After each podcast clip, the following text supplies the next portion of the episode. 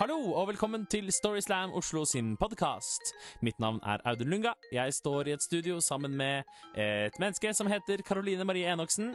Hei. Hei. Hallo. Hallo. Har du det bra? Jeg har det veldig bra. Det er veldig fint. Hva med deg? Jeg har det veldig bra. Det var godt. Dette er en fin dag, sikkert. Ja, Det er vanskelig å se siden vi sist står inne, men ja. Nettopp. Mm. I studio er det veldig eh, behagelig å være. ja. Vi skal høre noen historier i dette podkasten. Eh, og da vil jeg deg, stille deg et spørsmål, Karoline. Husker du noe fra din aller første skoledag? Ja. Oi, ja. Mm. Jeg husker det. Jeg husker at jeg syntes ikke det var noe stas. Nei. Nei. Det var ubehagelig? Eh, det var litt ubehagelig fordi jeg hadde um, feil dialekt. Ja, for du var nordlending som begynte på skole i Rogaland. Ja. Ja. ja, det var røft.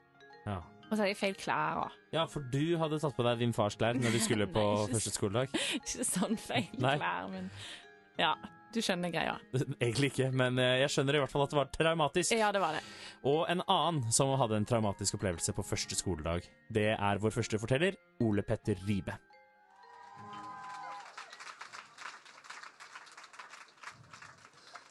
Uh, jeg hadde fadderuke sist uke. Det var ingen som kunne forberede meg på det. Uh, og så hadde jeg første skoledag i dag. Det er alltid en første skoledag et eller annet sted.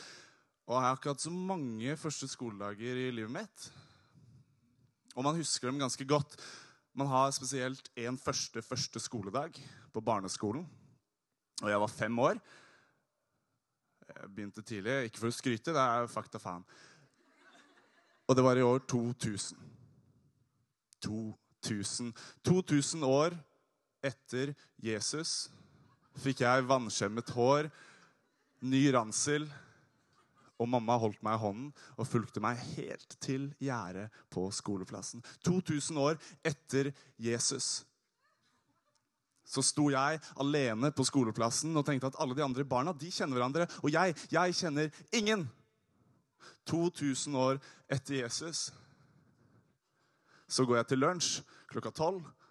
For det kommer til å bli rutine. Og jeg åpner matpakken min og ser en gul Post-It-lapp fra mamma som sier 'ha en fin dag'.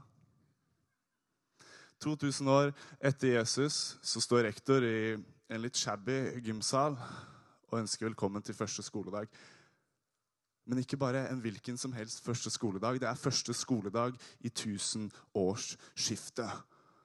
Tusen år, og jeg er fem. Jeg vil at dere skal tenke over den. Tusen år, og jeg er fem år.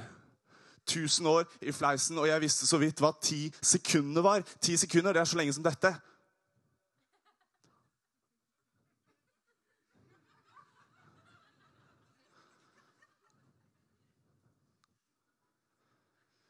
Og det er lenge nok.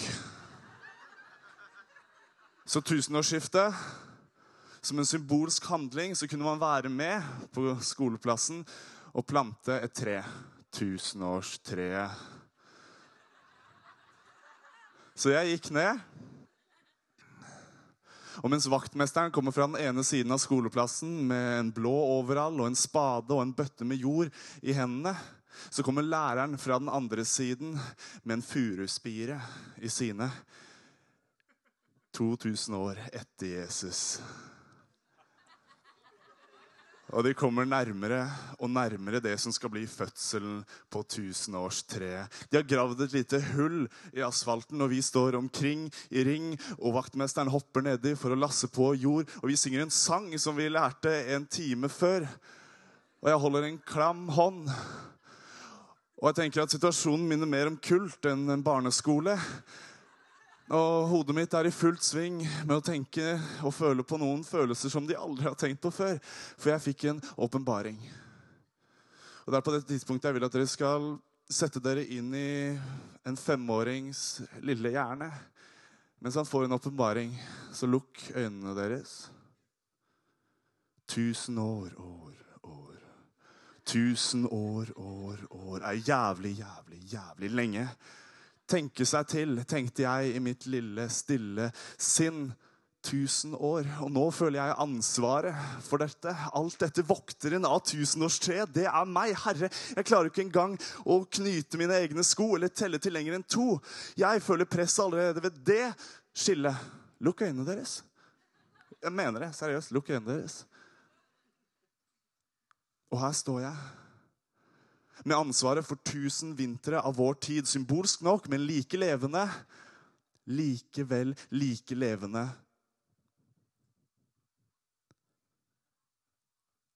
Og jeg kan ikke en skitt om botanikk. Og jeg vet ikke om det går an å holde et tre like levende så lenge. Herregud, jeg Jeg føler på ting jeg aldri har følt på før. Jeg får panikk, og, og min lille hjerne går i klikk.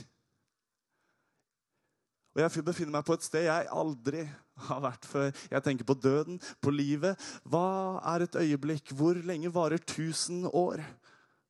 Herregud, romvesenet som kommer til å se tilbake om noen år og le og tenke Wow, hva var det dere drev med? Global oppvarming, hva var det? Og min kropp, den sier stopp. Vent nå litt. Og det er nå dere kan åpne øynene. Hei, du lille skolegutt.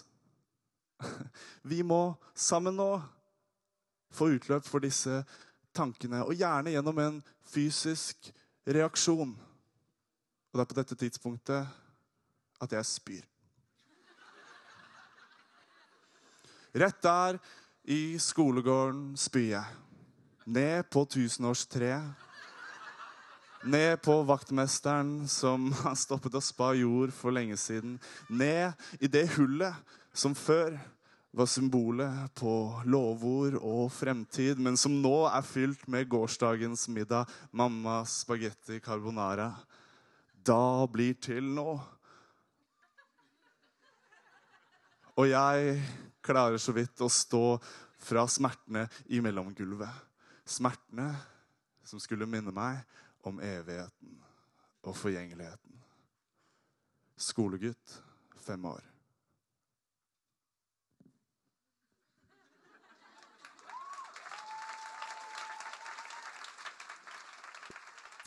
Tusen takk til Ole Petter. Jeg jobber eh, selv i en barneskole, og jeg eh, vet alt om eksistensiell oppkast. Det skjer hele tiden. Barna, lærerne, eh, alle. Det, er mye oppkast. OK. Ja, spesielt min kollega Sissel, som jeg vet også hører mye på denne podkasten. Ja. ja. Yes. Takk, Audun, for din pedagogiske ekspertise på feltet eksistensiell oppkast. Bare spørre hvis det er spørsmål. Altså. Ja. Ja, det skal jeg definitivt gjøre. Eh, Men vi skal videre. Neste forteller heter Martin Osvold.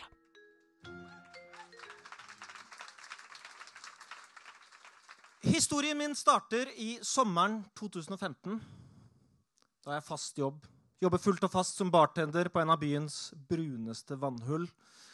Jeg går inn i mitt syvende år i den samme mørke leiligheten med gjenboere på begge sider. Og min atter, en ny romanse, har falt i grus av den enkle grunn at jeg har latt meg beruse av følelsen av å bli beundret og likt, istedenfor å være ansvarlig for mine egne følelser og kjenne etter hva jeg egentlig vil. Så jeg gjør noen drastiske grep for å føle meg mer hjemme i meg selv og for å finne ut av hva jeg vil. Så jeg forteller kompisene mine at den neste jenta jeg skal på noen måte involvere meg med, skal være en som jeg liker. Uansett hva hun måtte tenke om meg, og hva jeg måtte tenke om det. Det skal faktisk være så sterkt at jeg ikke har noen mulighet til å holde igjen. Det skal være hell yes eller nei.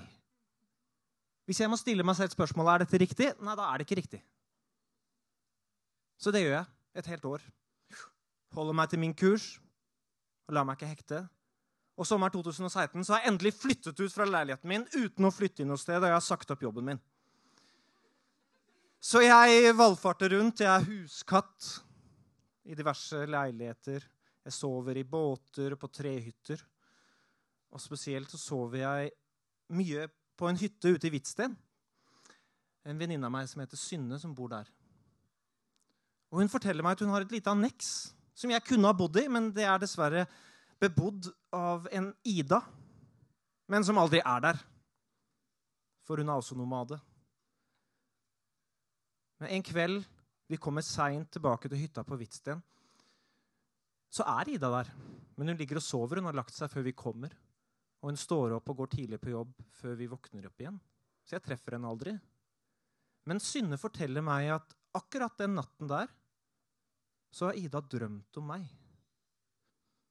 Og så går det noen dager, og så plukker jeg bare ut fra luften om at Ida er skuespiller, og at hun har premiere på en forestilling snart. Som viser seg å stemme. Helt sant. Jeg trekker det ut fra ingen steder.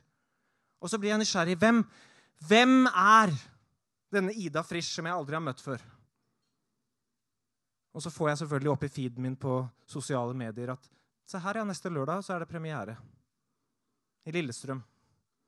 Så jeg sier til venninnene mine som jeg bor hos, at jeg, jeg må ut dit. Jeg må ut dit. Jeg skal dit. Jeg vet det er henne. Så jeg reiser ut til Lillestrøm på Akershus teater. Matinéteater klokken to. Alene. Dukketeater. For de minste barna. Så jeg setter meg ned der sammen med fire-femåringene, og jeg får se en søt forestilling om vilje som drar ut i verden for å finne ut hva et hjem egentlig er. Og Ida er så klart så vakker som jeg aldri kunne forestille meg at hun er. Og Forestillingen blir ferdig, og vi står utenfor teatret, jeg og noen venninner av henne. Og hun kjenner meg igjen, og vi hilser. Og så er kjæresten hennes der. Og det verste er at jeg kjenner han igjen. Jeg har møtt han tidligere. Og han spør meg hvor, så hvor kjenner du Ida fra. Og jeg ser ham rett i øynene, og jeg sier som sant er at jeg har, ikke, jeg har henne ikke fra noe sted. Jeg har aldri møtt Ida før. Og han svarer ikke, og jeg skjønner at Det er ikke klein stemning, men det er, ikke, det er litt trykket, kan du si. Så jeg finner til slutt på at jeg må rekke toget. For jeg skal ut og ned og hente sykkelen min, som er igjen på hytta på Hvitsten. Og så vil det ha seg slik at Ida skal dit i morgen. Så jeg kan sitte på med henne og plukke opp sykkelen. Så som sagt, så gjort. Så jeg blir hentet en nydelig september formiddag, en søndag, og kjører ut til Hvitsten og henter sykkelen, og så kommer vi tilbake. Og i løpet av de fem timene så har vi vært på kunstutstilling. Vi har gått på line sammen, og vi har stått på hender. Jeg har sunget serenader i vinduskarmen mens hun vasker gulvet. Og vi har klatret høyest i den høyeste furua, og vi har badet og vi har sunget høyt på etter kassettspilleren i den lille bilen hennes. Og jeg lander i Oslo, og jeg tenker Hvem er det her? Men det er ikke opp til meg. Hun er jo i et forhold allerede. Så jeg prøver å la det gå. Men jeg har ikke noe valg.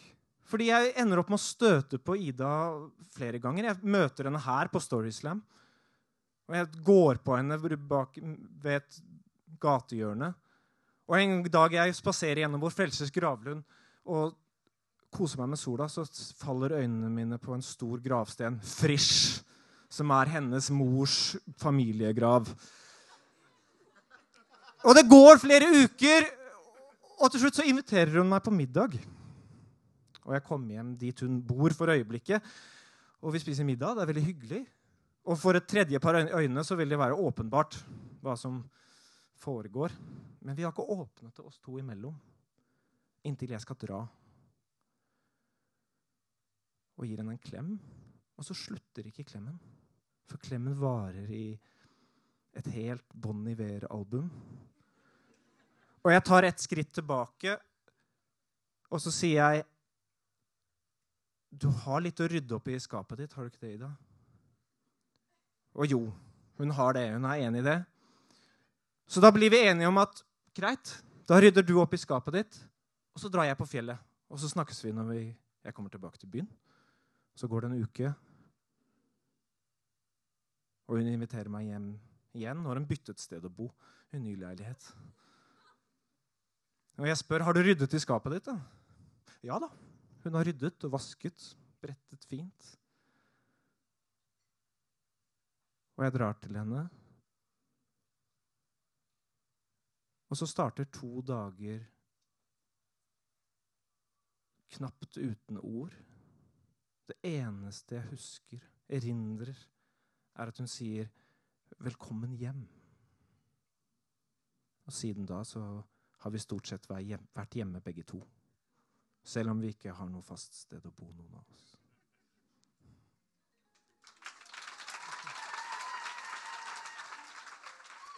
Tusen takk til Martin. Det var en veldig koselig historie. Ja, det var det. Og det som var enda koseligere, var jo at Ida satt i salen og ble skikkelig rørt. Ja, Det var et veldig fint Storyslam-øyeblikk.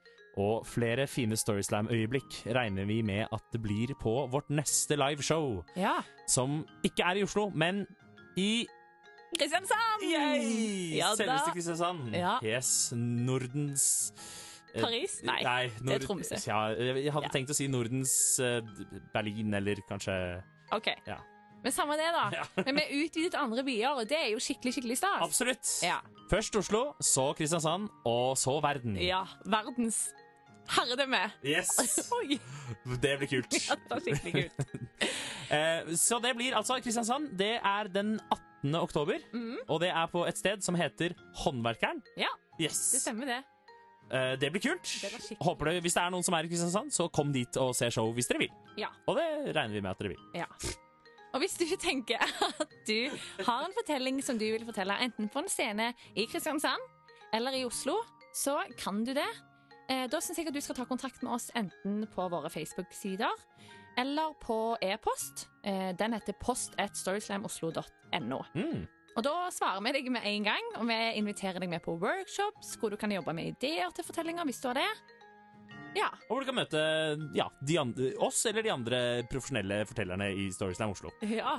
Semiprofesjonelle fortellerne i Storyslam Oslo. Mhm. Eh, så må du selvfølgelig følge oss på Facebook, og du må følge oss på Instagram. ja. Uh, og så må du følge denne podkasten, abonnere på denne podkasten. Og vi ønsker oss uh, tilbakemeldinger. Eh, stjerner.